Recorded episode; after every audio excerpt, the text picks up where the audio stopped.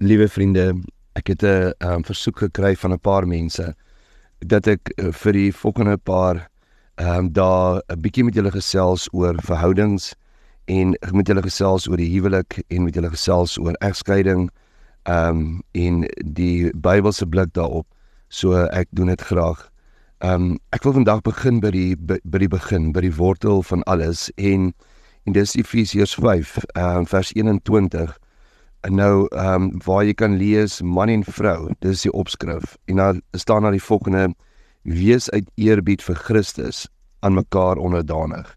Nou nou die vraag is ehm um, wat het met alle respek gesê as ek dit so sê, wat het Christus met hierdie uit te waai? Hoekom staan hulle net wees uit eerbied vir mekaar aan mekaar onderdanig nie of wees net uit eerbied vir mekaar onderdanig nie? Hoekom staan nie wees uit eerbied vir Christus aan mekaar onderdanig?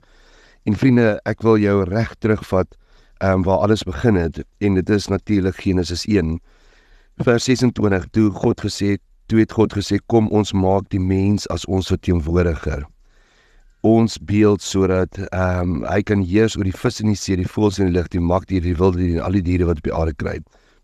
En toe in vers 27 staan daar God het die mense skep as sy verteenwoordiger as beeld van God het hy die mense skep man en vrou het hy hulle geskep ehm um, vriende en toe staan daar toe God hulle geseën en vir hulle gesê wees vrugbaar ehm um, word baie bewoon die aarde. Met ander woorde, dit gaan eers oor jou verhouding waarin jy leef. Ehm um, en en dan kom dit waar daar staan bewerk dit, bewerk die aarde. En in daai volgorde. En ehm um, jy kan maar vir 'n paar celebs gaan vra en vir 'n paar bekende rugby spelers en liedjie skrywers ehm um, hoe dit lyk as jou huwelik eers uitmekaar uitval.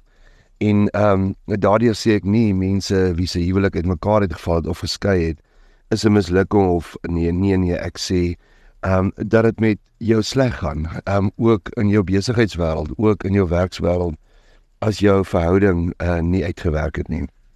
En die vraag is wat is die sleutel van hierdie verhouding? Wat is die belangrikste punt in hierdie verhouding?